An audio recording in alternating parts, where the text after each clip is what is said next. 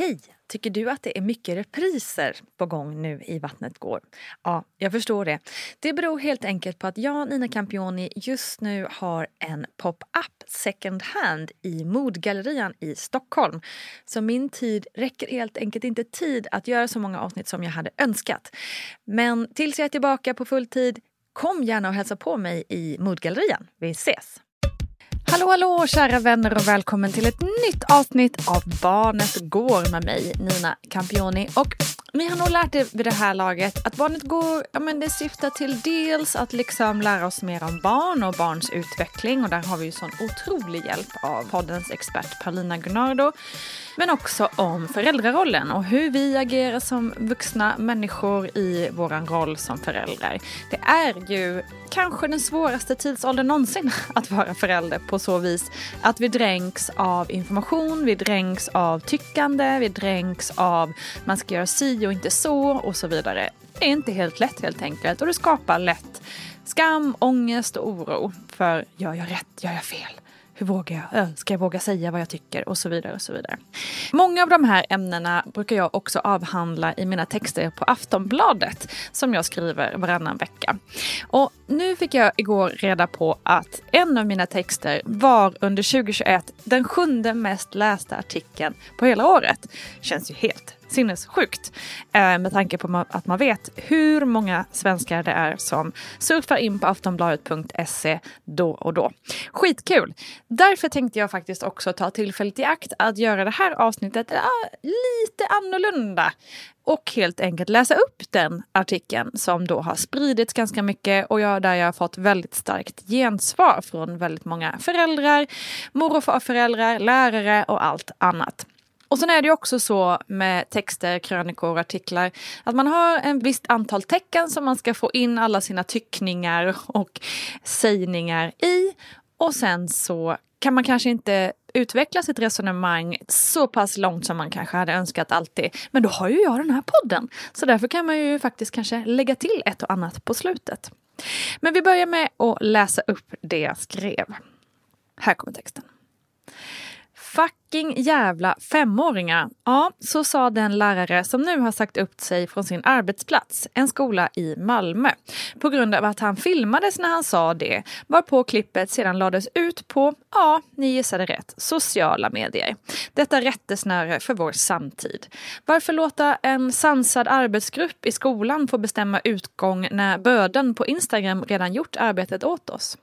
Och en annan detalj i sammanhanget. Personen som la ut klippet på Instagram var inte en 15-åring med dålig impulskontroll utan en fucking jävla förälder. För att inte hänga ut denna förälder mer än nödvändigt så citerar jag endast hens argument. Citat. Oavsett hur eleverna har betett sig så ska en lärare inte säga så. Slutcitat. Och det kanske hen har rätt i. Jag var inte där, jag kan inte avgöra. Men jag gissar att den här föräldern heller inte var i klassrummet när det hände och kan avgöra precis hur pass mycket femåringar som det här högstadiegänget betedde sig som. Kanske hade läraren 100% rätt i sak och staterade bara fakta, som en lärare bör göra. För även om jag inte var där i klassrummet så kan jag ana hur ett gäng 15-åringar kan bete sig om de känner att lektionen är sådär kul och om man kanske redan vet att man till exempel kommer bli underkänd i sagda ämne. Och om vi alla bara anar lite, tänker tillbaka till sin egen skoltid. Hur var det när det var stökigt på lektionen? Jag kan bara tala för mig själv, men jag tycker att varje person som vågar sig på yrket högstadielärare borde få åka limousin till skolan och äta lunch på guldtallrik. För i den här åldern, då kan man verkligen bete sig som små as. Nu menar både elever och föräldrar att eleverna i det här fallet kände sig kränkta av lärarens uttalande.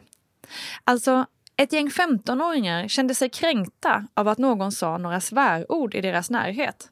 Lägg av. Helt ärligt, föräldrar måste sluta tro att just deras barn är de perfekta änglar de en gång var.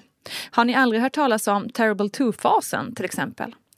Alla barn och ungdomar går igenom rebelliska utvecklingsfaser. En del stannar i dem längre än andra, men att vara tonåring innebär att man vill och ska också testa gränser. Men det innebär också att det är vårt ansvar som föräldrar och ja, lärare att säga stopp när det går för långt. Och man kan väl säga så här. Det kokar inte direkt över av föräldrar som säger stopp dessa dagar. Eller jo, de säger stopp, men inte till rätt person. Förra året kom en undersökning gjord av Lärarförbundet som säger att en fjärdedel av alla lärare på högstadiet har hotats på sin arbetsplats. Av elever, tänker ni nu? Nej, av föräldrar. Ta in det. Av föräldrar. Vuxna människor alltså, som borde ha någon form av impulskontroll. Det handlar om allt från verbala hot till fysiskt våld till ja, att hota om att hänga ut läraren på sociala medier. Ofta är anledningen för hoten att läraren ifrågasatt för dåligt betyg på förälderns barn. Lägg därtill att varannan lärare har utsatt för fysiskt våld av elever och sju av tio har upplevt situationer där elever betett sig aggressivt eller allmänt hotfullt. Och det här sker över hela landet, i alla sociala klasser och områden. Så börja nu inte gasta om särskilt utsatta områden, för det här sker lika ofta på Östermalm som i Bergsjön. Så även om vuxna och lärare ska föregå med gott exempel så måste det någonstans finnas en gräns på vad för skit en ska behöva ta på sin arbetsplats. Det måste också finnas en gräns på hur jävla dumt föräldrar får bete sig. Och den gränsen har för länge sedan passerats för alldeles för många.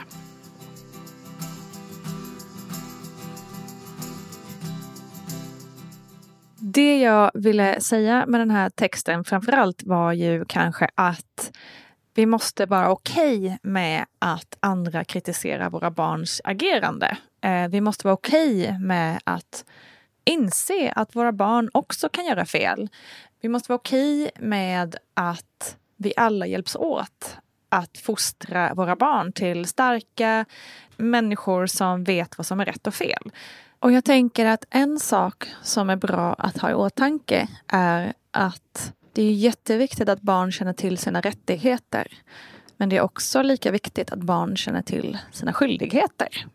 Det borde inte vara svårare än så. Och återigen så tycker jag att vi är helt fel ute i samhället där läraren har en så pass försvagad, jag vill inte säga makt, men en så försvagad ställning att hen inte ens kan försöka få kontroll över sitt eget klassrum så att alla elever kan få höras och synas och trivas på plats. Eh, någonstans måste det ske någon form av förändring, hoppas jag. Ja, det här Barnet Går var alltså lite annorlunda, men jag tänker att det kan väl vara kul om inte alla avsnitt låter exakt likadant. Eh, nästa vecka blir det något helt annat. Eh, jag är jätteglad för att du lyssnade och välkommen också att läsa då mina eh, texter på Aftonbladet också. Jag finns ju också på bloggen på Motherhood och på Instagram där ni såklart alla är välkomna att diskutera vidare de här sakerna som jag ibland yttrar. Tack för idag. Ha jordens bästa dag. Kram på er. Hej då.